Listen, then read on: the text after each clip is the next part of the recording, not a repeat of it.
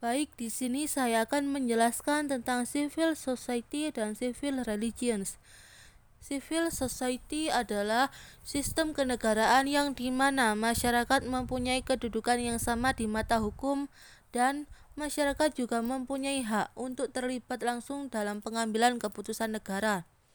Masyarakat sipil bersifat otonom dan memiliki kapasitas politik yang cukup tinggi sehingga mampu menjadi kekuatan penyeimbang atas kecenderungan intervensi negara terhadap warga negaranya. Setelah itu ada civil religions. Civil religions merupakan agama dari masyarakat.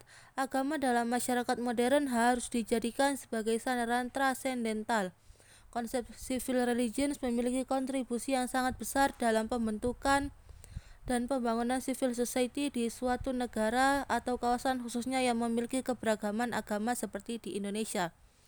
Dalam hal ini dapat disimpulkan bahwa semua masyarakat mempunyai kebebasan untuk berkontribusi dalam sistem pemerintahan dan bebas untuk memilih agamanya masing-masing.